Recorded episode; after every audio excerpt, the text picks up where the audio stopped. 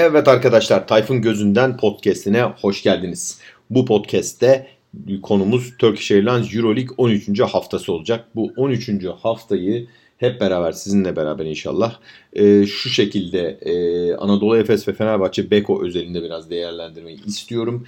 E, tabii podcastlere biraz geç başladığımız için 13. haftadan itibaren bu konuşmalara e, başladık. Dolayısıyla 13. haftaya kadar neler oldu neler bitti de kısaca dilimiz döndüğünce özetlemeye başlayacağız. Şimdi evet hazırsak başlayalım öncelikle. Şimdi 13. Ee, hafta geçtikten sonra e, karşımıza şöyle bir tablo çıkıyor. E, sezon öncesi ne demiştik? Hani e, hep beraber bütün hani spor medyasındaki analiz bütün arkadaşlar herhalde şunu söylüyordu. İşte ilk Final Four'un ilk dört adayı takımlar vardı.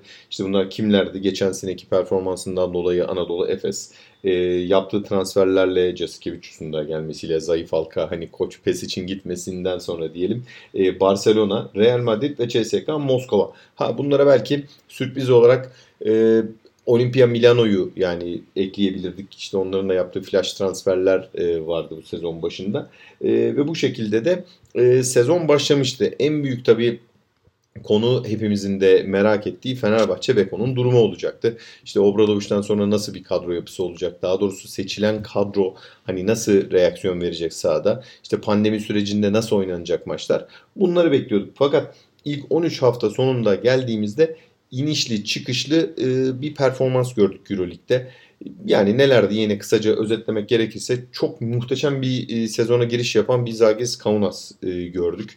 E, özellikle biliyorsunuz hani koç er, koç olarak Ertuğrul Erdoğan'ı mı yoksa Martin Schiller mı alacaklar e, bayağı meşgul ettikten sonra Martin Schiller'da e, karar kıldılar. Onun hani NCAA deneyimi olan bu koçla beraber e, fırtına gibi lige girmesi Allah Allah dedirtti herkese. Ne oluyor hani e, Kaunas bu kadar da güç kaybetti özellikle Jessica gittikten sonra hani bu bu performans niye derken bir anda hakikaten e, ilk 6 maç sonunda 5 galibiyet 1 yenilgiyle e, sezona başladılar ki bu galibiyetlerin 4'ünü de deplasmanda almışlardı ilk e, şey olarak baktığınızda. Fakat ne olduysa ondan sonra oldu. Hani iniş çıkış e, diyorduk ya küt bir anda üst üste 6 maçı kaybettiler mesela Zalgiris Kaunas. Bu belki de sezonun özetiydi. Yani takımlar çok iyi e, reaksiyon gösterip muhteşem ardı ardına galibiyetler aldıktan sonra bir anda sanki hani e, tamamen tersine dönmüş gibi tamamen acemiler mangasına dönmüş gibi küt bir anda üst üste 5-6 hafta e, yenilgiyle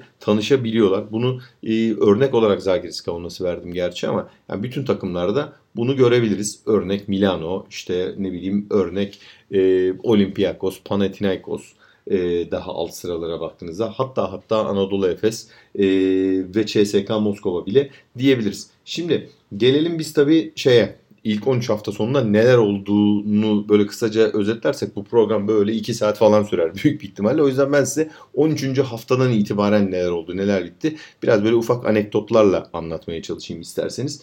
Şimdi öncelikle puan tablosuna baktığımızda hepimiz görüyoruz. Ee, Barcelona e, ilk 13 maç sonunda 10 galibiyet 3 yenilgiyle ilk sırada yer alıyor. E, o kadar tartışılan hani iniş çıkışlar yine yaşadığını düşündüğümüz takımlardan CSK Moskova yine aynı galibiyet ve aynı yenilgi ile kendilerini ikinci sıradan takip ediyorlar. Üçüncü sırada ise bence sezonun en hani flash e, performansını gösteren e, takımı var. E, Andrea Trinchieri yönetimindeki Bayern Münih'ten bahsediyorum. 9 galibiyet 4 yenilgiyle 3. sıradalar. Gerçekten hani takdire şayan bir performans ortaya koyuyorlar.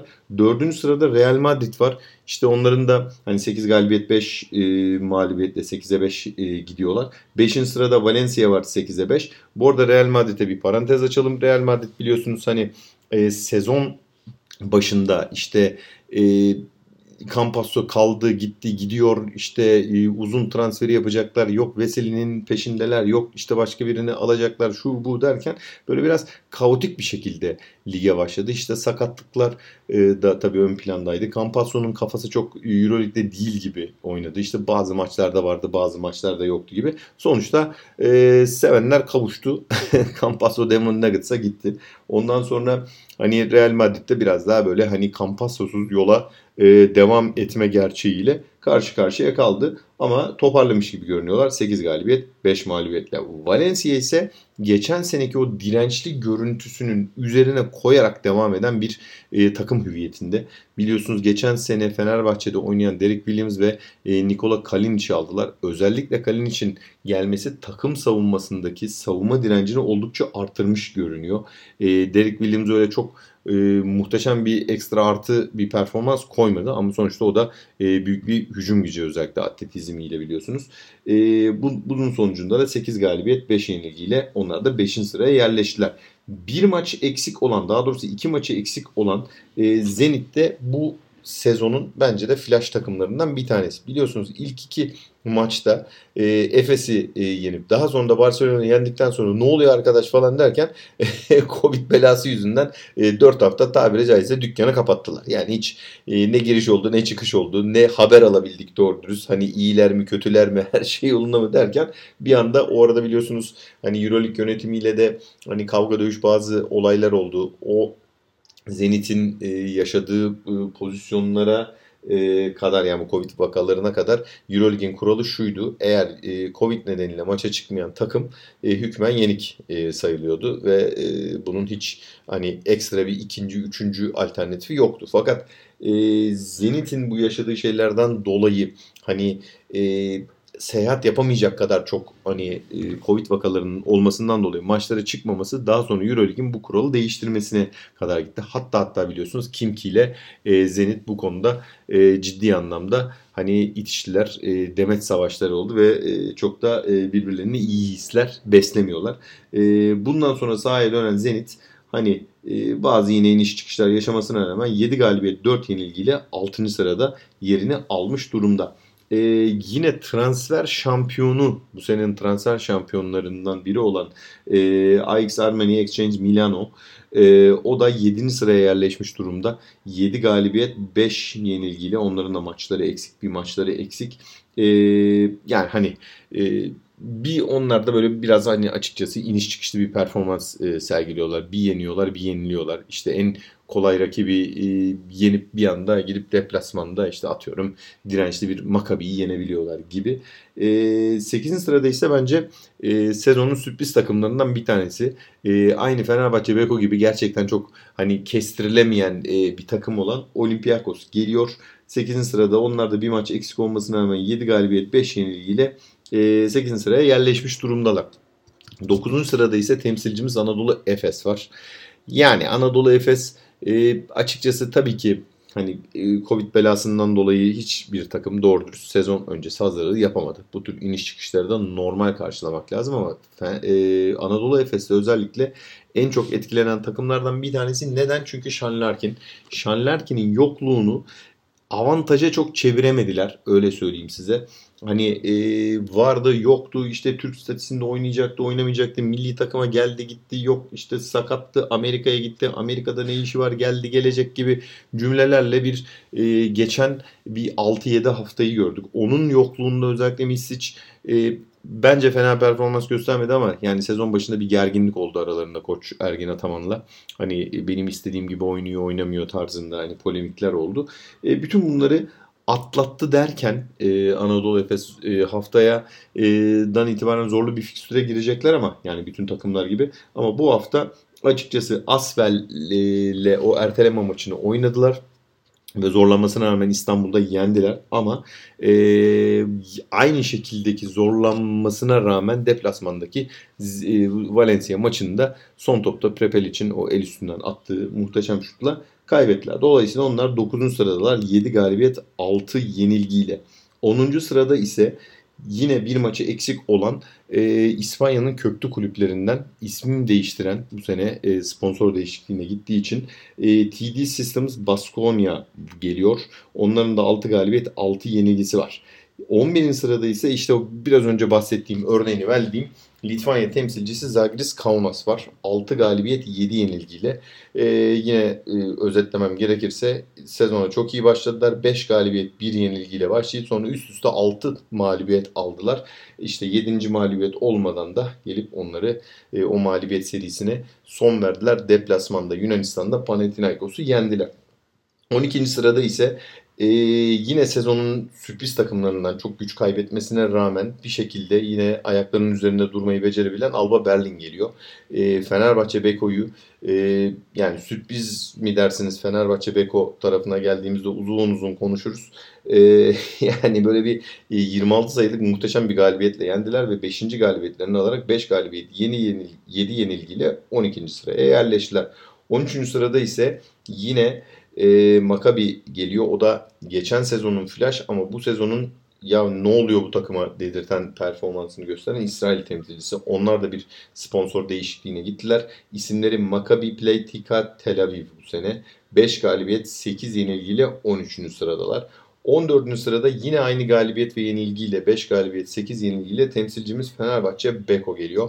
Ee, yine onların konusuna geldiğimizde uzun uzun konuşacağız ama şunu size söyleyebilirim. Yani çok e, inişli çıkışlı bir grafik e, sergiliyor Fenerbahçe Beko. Teknik olarak baktığınızda geçen sene Obradovic'in e, son sezonunda yarım kalan o son sezonundaki galibiyet mağlubiyet yüzdesiyle aynı ilk 13 hafta sonunda ama e, verdiği ışık aynı mı?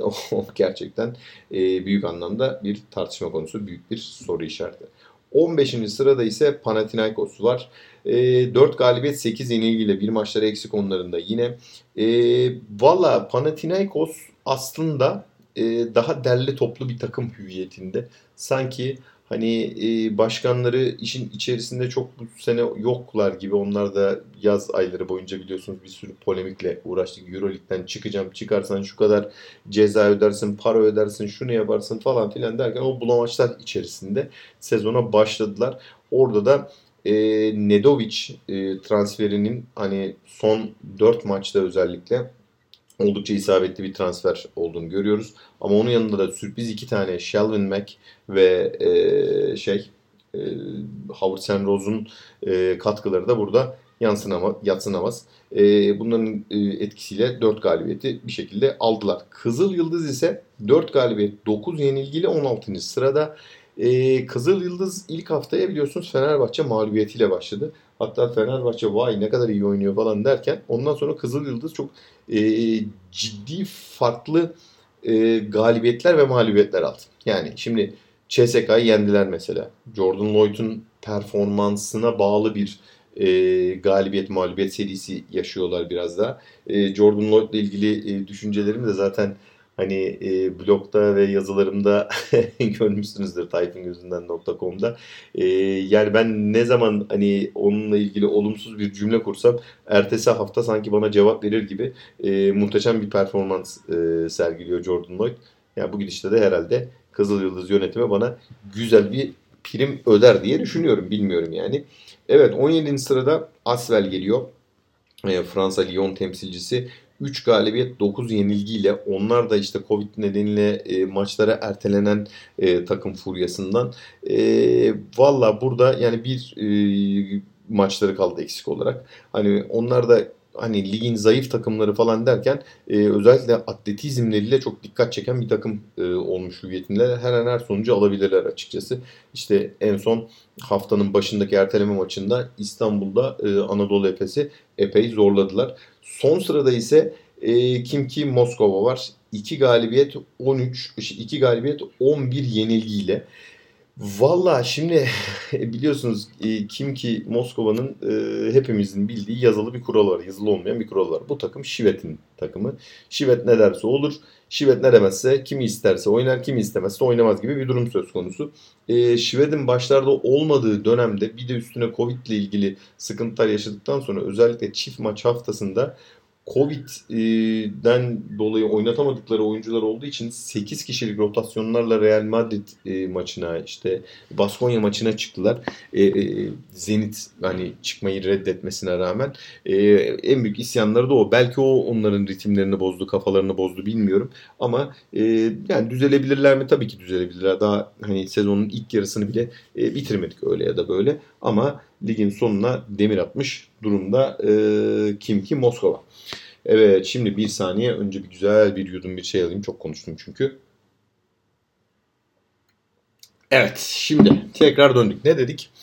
E, Valla Fenerbahçe, Beko ve Anadolu Efes özelinde konuşacağız diye. E, şimdi Fenerbahçe, Beko hakkında ağzıma geleni belki söyleyebilirim diye. O yüzden Anadolu Efes'le başlayayım isterseniz öncelikle. Şimdi Anadolu Efes geçen seneyi hani bazı e, şeylere göre, yorumculara göre mumlu arıyor gibi. E, ama bence e, Anadolu Efes yavaş yavaş ritim buluyor ve e, bir şekilde e, seviyesini maç maç e, üste çekiyor. Özellikle Ergin Ataman bu konularda çok tecrübeli bir koç. Kurt bir koç her şeyden önce.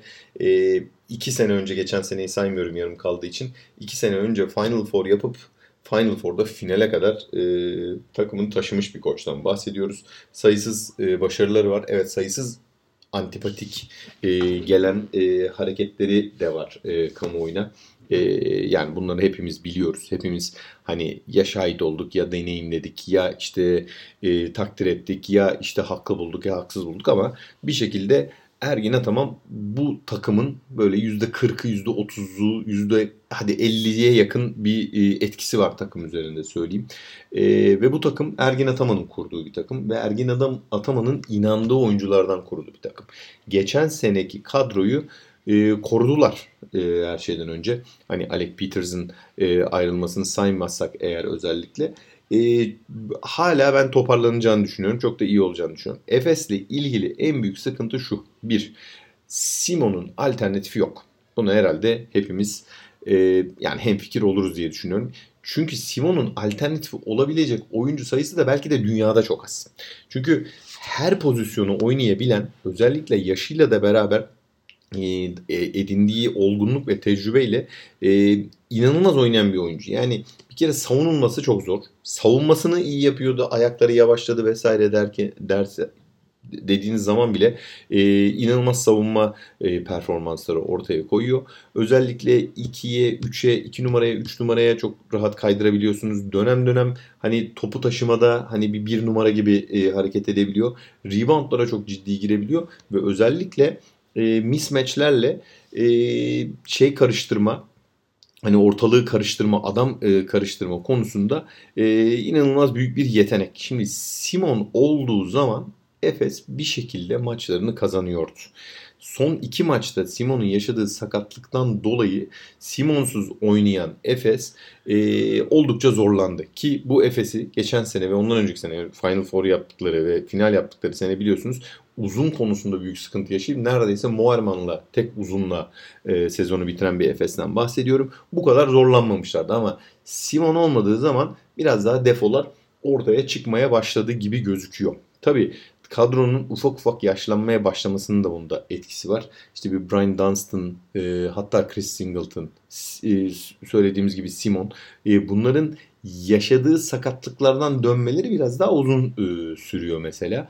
Ama e, bayağı da ciddi e, şanssız sakatlıklar yaşadılar. İşte Brian Dunstan'ın göz retinasının yırtılması, Roderick Bobo'nun göz e, çukur kemiğinin kırılması gibi. Hani böyle iyileşmesi zor olan hani e, sakatlıklar bunlar. E, ama bunlar toparlandıktan sonra hiç Efes'in hani e, eleştirilecek o anlamda pek bir tarafını belki de bulmamak lazım. Bence iyi bir e, kadro olduğu için ve birbirlerine alışmış bir kadro olduğu için toparlayacaktır. Ha, bu arada bir parantez açmak istiyorum. Her oyuncu muhtemelen çok özel.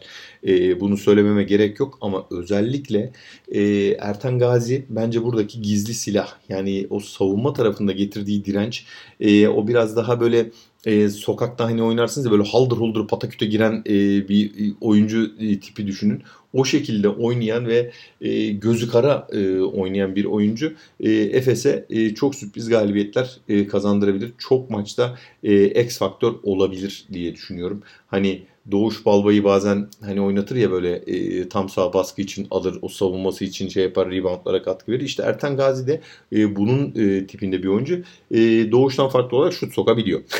Öyle ya da böyle. O yüzden ben e, Efes'in bir şekilde toparlayacağını düşünüyorum. Bu e, Valencia yenilgisini çok da fazla özet e, şey önemsemiyorum. Hatta hatta ligde şu anda 9. sırada olmalarını da çok fazla kale almıyorum.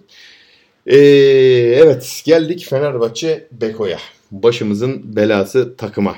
Yani e, bu sezon ne olacağını çok merak ettiğimiz bir kadro Fenerbahçe e, Beko. E, yani şimdi herkes tabii aylardır konuşuyor. O geldi bu gitti. E, işte Obradoviç gitti yerine kim gelecek? İşte Kokoşkov geldi yeterli olacak mı? İşte transferler iyi mi? O iyi mi? Bu kötü mü? Şu kaldı şu gitti derken baya hani e, bulamaçlı, inişli, çıkışlı böyle hani e, bir Brezilya dizisi gibi aşk, kin, nefret her şeyin yaşandığı bir e, son 3 ay geçirdi Fenerbahçe ve bunların sonucunda yine Covid'in de etkisiyle de çok da fazla e, hazırlanma e, süreci bulamadan da sezona başladılar. Yani şimdi sezona başladılar. E, açıkçası beklentilerimiz alt safhadaydı. Fakat ne zaman beklentilerimizi düşürsek Fenerbahçe Beko ile ilgili çok acayip sürpriz galibiyetler alarak bir anda e, ya acaba her şey çok mu iyi diye bu sefer olduğundan daha iyi, iyimser hale getirmeye çalıştı hepimizi. Burada şimdi kadroda yani pek çok yorumcudan zaten duymuşsunuzdur, görmüşsünüzdür. E, kadronun en büyük sıkıntısı yani görünen köy kılavuz istemez bir numara eksikliği. Yani topa yön verecek, Kokoşkov'un istediği şekilde hem atletizme olacak hem basketbol aklı gelişmiş olacak hem pasör olacak hem de aynı zamanda sıkıştığında birebir oynayıp e, şutu olacak bir bir numara yok. Yani bu bir numarayı e, dekolo olarak kullanmak istediler ama orada da e, ikili sıkıştırmalarda özellikle e, ciddi anlamda e, top kayıpları e, yaptığını ve bunun da e, galibiyetlere mal olduğunu gördük Fenerbahçe'de. Bunun Obradoviç döneminde de görmüştük. Yani bir dakika kala 10 e, sayı öndeyken verilen e, Kaunas e, yenilgisini hatırlatırım size. O da işte Dekolo'nun e, şanssızlığıydı diyeyim. E, bunun yanına ikinci bir garda olarak e, alınan oyuncu ise Lorenzo Brown. Yani Lorenzo Brown bu konuda e, pek çok e, kişinin kafasında soru işareti oluşturuyordu. Ama Allah var. Şimdi giden Kostas'ın yerine bir kere bir boy avantajı var. Atletizmi var. 1.97 ee, bir oyun kurucu oldukça ön tarafta hani savunma konusunda büyük e, eşleşme problemleri yaratan switchlerde, değişmelerde, adam değişmelerde önünde kalabilecek bir oyuncu olduğu için de e, acaba iyi olur mu? Hani iyi çalıştırılırsa dediğimiz bir oyuncu. Fakat Lorenzo Brown'un da e, yani biraz bir el bombası gibi e, bir oyuncu olduğunu e, ne yazık ki gördük hep beraber. Yani muhteşem de oynadığı maçlar oluyor. Bir anda e, yani hani bu kafasına bir gözüne bir perde inip hani e, maçları kaybettirdiği dönemlerde görüyoruz. Bunu gerek Euroleague'de gerek Türkiye Ligi maçlarında da gördük ama Alternatifi var mıydı? Valla pek yoktu. Şimdi alternatifi kim bunların yedek gardı olarak diyelim. Leo Westerman ve e, Bobby Dixon yani Ali Muhammed. E, Ali Muhammed şimdi ona hakikaten e, laf eden taş olur öyle söyleyeyim. Hani başlarda e, belki e, sıkıntılı bir form düşüklüğü herkes gibi yaşamıştır ama sahada olup da mücadele etmediği dakika sayısı belki 30 saniye falandır. öyle söyleyeyim size. Ama Leo Westerman ise ayrı bir e, vakaydı. Yani özellikle ee, geçen sene Obradoviç'le de bir anlaşamamıştı bir şekilde. Ee, ve başlarda hani hiç yoktu rotasyonda. Aynı şekilde Kokoşkov'la da anlaşamadı ve yine e, aynı şekilde e, rotasyonda hiç olmadı. Daha sonra rotasyona geldiği zaman ise e, çok hani böyle sıradan oyuncular e, gibi e, davrandı ve bu da çok hani yeteri kadar da güzel bir e, şey vermedi. E, hani katkı vermedi Fenerbahçe açısından. Bu bir numara tarafı. E şimdi e, bunlara yardımcı olarak geçen sene e, bence hani özellikle İspanya'da başarılı bir sezon geçirmiş olan Kenan Sipahi'yi e, takıma kazandırdılar. E, kulübü ta- tanıyan bilen biri e, olarak bence doğru bir transferdi. Pek çok kişi hani ya ne gerek var şu mudur bu mudur e, tarzına bayağı ciddi de e, sert de eleştirdiler onu ama ya ben katılmıyorum. E, açıkçası ben Kenan'ın e, sahada iyi oynadığını ve basketbol anlamında da doğruları yapmaya çalışan bir en azından bir oyuncu olduğunu düşünüyorum. Şimdi e, Allah var yani tamam hani bir ondan bir şey bekleyemezsiniz. Hani bir ne bileyim bir Sergio Llull performansı bekleyemezsiniz ya da bir işte ne bileyim Martin Hermanson gibi hani son zamanlarda parlamış bir şey bekleyemezsiniz. Ama ne görev verilirse o görevi yapacağını e, en azından bilirsiniz. Biliyorsunuz bizim Fenerbahçe Beko olarak e, ilk Final Four'umuzu e, kazandıran belki de Kenan Spahiydi o İsrail'deki Makabi maçında 3. maçta o yaptığı son savunmayla e, ilk Final Four'a e, taşıyan savunmayı yapan da oyuncuydu. En azından bu bile e, bu vefa anlamında e, Fenerbahçelilerin bence unutmaması gereken bir şey. E, ve o anlamda da biraz daha böyle e, eleştirilerde daha e, insaflı davranmamız gerekiyor. Neyse e, işin e, taraftarı ve tribün e, tarafına çok girmeyelim. E, öbür tarafa bakarsanız da uzun hani aradaki şeyleri sonra anlatacağım ama uzun rotasyonunda da sıkıntılar e, yaşama e, problemler yaşama e, potansiyeli vardı sezon başında baktığımızda. Çünkü neden? Wesley hani sakatlıklardan dolayı ulan acaba aynı oynar mı oynamaz mı devam eder mi e, etse bile sürekli olur mu bilmiyorduk. Danilo Bartel fundamentalı çok iyi. Fakir mellisi falan dediler şey yaptılar ama ben yani e, geçen sene de onun alınmasını çok istemiştim. E, Fenerbahçe'ye faydalı olacağını düşündüğüm için en azından. E, bu sene alındı. Bence yani başlarda yaşadığı sakatlıkları e, bir kenara bırakırsak sağlam oynadığı her maçta e, ayak yavaşlığının dezavantajları oldu tabii maç maç ama baktığınızda hakikaten çok faydalı oldu. Bir kere pasör bir uzun. Yani tepeye çıktığı zaman hani e, işte ne bileyim Yudoh'un yaptığı gibi işte ya da Nemanja Bielitsa'nın yaptığı gibi e, şut tehdidiyle ya da işte saha görüşüyle attığı paslarla bence oyunu açan bir e, uzun. O anlamda e, büyük bir avantaj. Diğer e, bizim hani uzun rotasyonunda aldığımız e, oyuncu e, Fenerbahçe'nin Johnny Hamilton'dı. E, tek yönlü bir oyuncu doğru. Geçen sene özellikle Darüşşafaka'da da e, Selçuk Ernak sağ olsun onu buldu getirdi. Çok da bence iyi ve verimli kullandı. İyi de oynattı. Ama Fenerbahçe Beko en azından şu ana kadar onun bu özelliklerinden doğru dürüst faydalanamadı.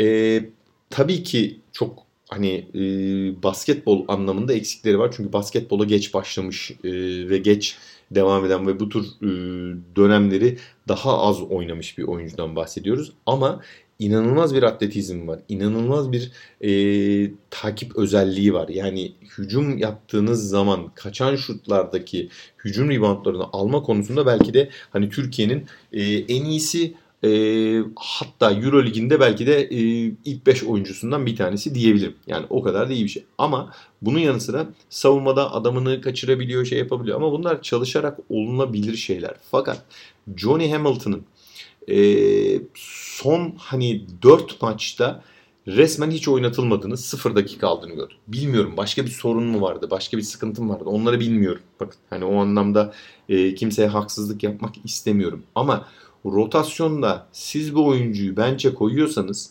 ve hani bir maç iki maç anlarım ama dört maç üst üste sıfır dakika süre veriyorsanız o zaman burada bir terslik var demektir. Yani kaybettilen maçlarda olsun, şunlarda olsun, bunlarda olsun çok hani sıkıntılar yaşadı, yaşattı bunları da biliyorum ama bence onu doğru değerlendirmedik. Diğer uzunumuz ise Ahmet Düverioğlu. Ahmet Düverioğlu yıllardır ne uzayan ne kısalan bir oyuncu ama faydalı bir oyuncu. Öyle ya da böyle. Yani şimdi tutup da siz e, yani pek çok e, takımda hani Ahmet Düverioğlu takımda o, yani parasını falan bir kenara bakın e, oyun kalitesi olarak takımda olmasını ister mi diye e, Türkiye Ligi'nde ya da e, Euroleague'deki koçlara sorsanız en azından 18 takımın yani Euroleague için söylüyorum e, 8-9 tanesi Ahmet'i takımında görmek ister hani paradan şundan bundan bağımsız olarak söylüyorum oyuncu kalitesi olarak.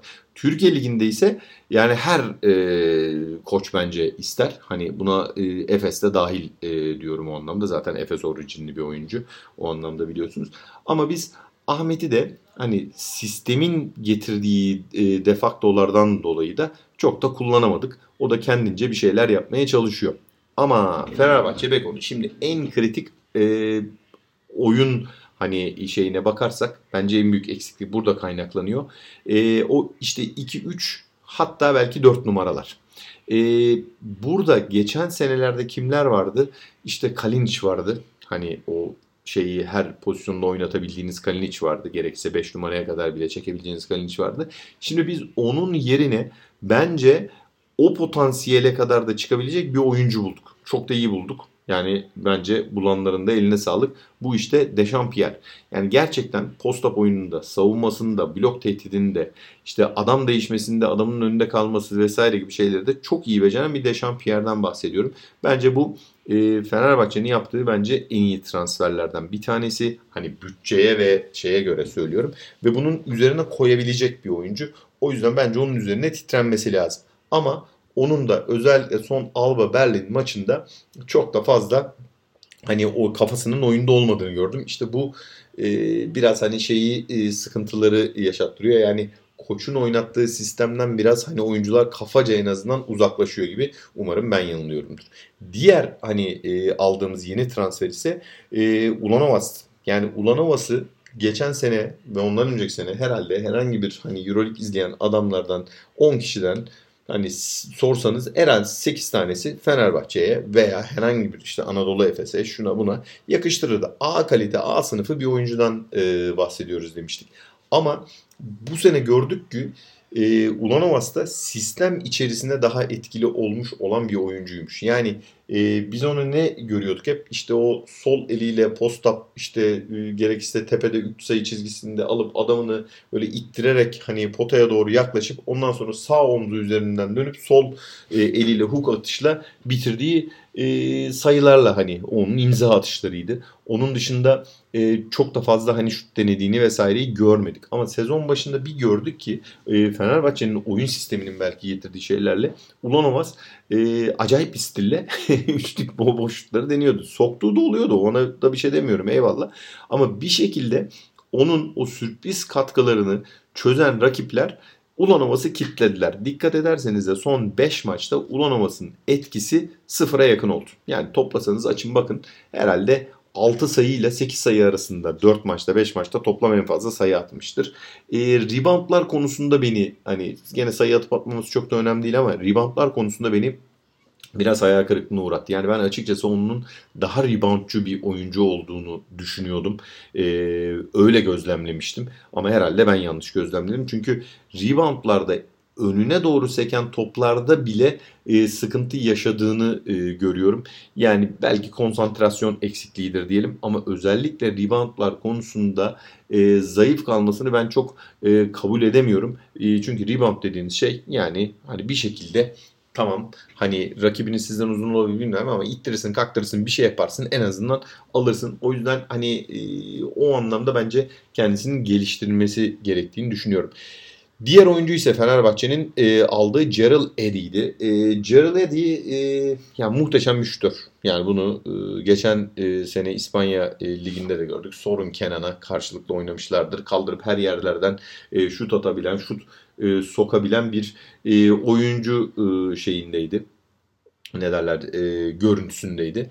E, gerçekten de ilk e, başlarda da bunun çok ekmeğini yedi Fenerbahçe. Yani ilk 4-5 maça baktığınız zaman e, Gerald'in attığı ve soktuğu şutlarla e, çok ciddi momentumlar, ivmeler e, yakalandığı e, Gerald'in sayesinde Fenerbahçe'nin bu momentumları yakaladığını görebiliriz. Fakat işte yine diyorum işte e, karşınızdaki e, rakipler de e, boş durmuyor. Elleri armut toplamıyor. Bir şekilde bunu çözdükten sonra Gerald Eddy'nin şut tarafını e, kapattıktan sonra e, Gerald Eddy'nin etkisinin %80 oranında düştüğünü gördük. Şimdi birincisi e, hücumda çok e, tek yönlü bir oyuncuymuş. Hani hiç olmazsa kapattığı zaman topu yere vurup içeriye doğru e, hamle yapıp işte bir e, iki sayı ya da boyalı alandan sayılar bulur derken e, topu yere vurduktan sonra dengesinin özellikle biraz kaybolduğunu e, görüyoruz. E, bu üzerinde çalışılması gereken e, bir konu. Şu zamana kadar çoktan çalışmalıydı belki de bilmiyorum.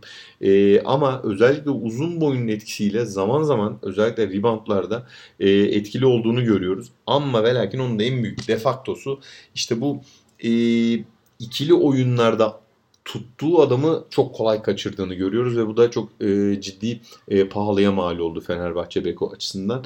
E, bilmiyorum ileride hani bu şeyler e, bu e, yanlışlardan döner bu eksikliklerini bu oyuncular giderirler inşallah diyorum. Diğer oyuncuları da çok da fazla hani artık konuşmayalım ama şu anda Fenerbahçe Beko'nun e, yani son 2-3 maçta özellikle kazandıkları hani Zenit maçı da dahil olmak üzere inişli çıkışlı bir grafik yaşadıklarını görüyorum ve inişleri de çok sert oluyor. Çıkışları da çok e, yüksek oluyor. E, bir takım doğru dürüst bir dengeye oturmadı gibi geliyor bana. E, eğer bir süre daha böyle devam ederse bir yerden sonra korkarım e, Fenerbahçe e, ufak ufak hani havlu atmaya e, başlayacak e, noktaya gelir. İnşallah böyle olmaz. Çünkü özellikle tamam kimse e, Fenerbahçe'nin Obradoviç dönemindeki gibi işte e, uçanı kaçanı yenip işte e, her önüne geleni e, dağıttığı işte Final Four'ların getirisi olduğu bir takım e, beklemiyordu bu sene. Ama en azından e, bir playoff yarışında olmasını, playoff'a e, kalmasını e, ve orada da hani ellerinden geleni yaparak hani takımın her geçen gün gelişmesini bekliyordu. Ama maalesef son hani maçlara baktığımız zaman bu ne, ne diyeyim size bu hedeften e, ufak ufak uzaklaştığını e, görüyorum Fenerbahçe'nin. İşte umarım ben yanılıyorumdur. Bu arada tabii bir parantez e, açmam gerekiyor. Fenerbahçe'nin yeni transferi e, vardı Bahçeşehir'den aldıkları Alex Perez. İşte bir numara hani o söylediğimiz ihtiyacı olan belki bir numara gibi değil ama Alex Perez'de çok göremedik ama hani e, iyi oyuncu kumaşı olduğunu e, düşünüyoruz. Neden? Çünkü geçen sene işte ailevi problemleri e, olana kadar işte Kaunas e, tarafından, Jasikevicius tarafından tercih edilmiş bir e, oyuncuydu. Dolayısıyla hani kumaşının ve potansiyelinin iyi olduğunu düşünüyoruz. Daha o takıma dönmedi sakatlığından dolayı. Yani geldikten sonra şanssızlık eseri bir sakatlık yaşadı. O sakatlıktan sonra eğer takıma döner ve katılırsa belki bu söylediklerimin hepsini geri almak zorunda kalabilirim Fenerbahçe Beko adına. İnşallah da tabii öyle olur. Ben e, laflarımı geri alayım. Yeter ki e, temsilcilerimiz iyi noktalara gelsinler ve e, Euroleague'de hani sezonu erken kapayıp böyle hani can sıkıntısıyla diğer maçları izlemiş olmayalım. Evet şimdi daha fazla uzatmayayım. Bu ilk e, podcast'imiz. E, çok da şey yapmayayım. Bundan sonraki podcast'lerde konuklarımız olacak. Ee, özellikle Euro Ligi çok e, sevdiğini düşündüğüm, e, bildiğim ve tartışmaları e, beraberce yaptığımız e, arkadaşlarımı e, burada yayına davet edeceğim. Hep beraber böyle soru cevap şeklinde e, konuşacağız. E, yine İNG Basketbol Süper Ligi e, hakkında da hani konuşmalarımız, değerlendirmelerimiz olacak. Orada belki biraz daha kısa geçeriz ama e, yine orada da Hani neler olabilir, neler bitebilir onlardan bahsedeceğiz. E, o yüzden bu ilk yayını böyle e, kısaca da olsa bitirelim ve ondan sonra önümüzdeki maçlara bakalım tabiri caizse. önümüzdeki yayınlara bakalım açıkçası. Evet, beni dinlediğiniz için teşekkür ediyorum. Bu podcast'te e, yaptığımız acemiliklerden dolayı ilk etapta özür dileyip ondan sonra diğer podcast'lerde, diğer yayınlarda görüşmek üzere diyorum. İyi günler hepinize.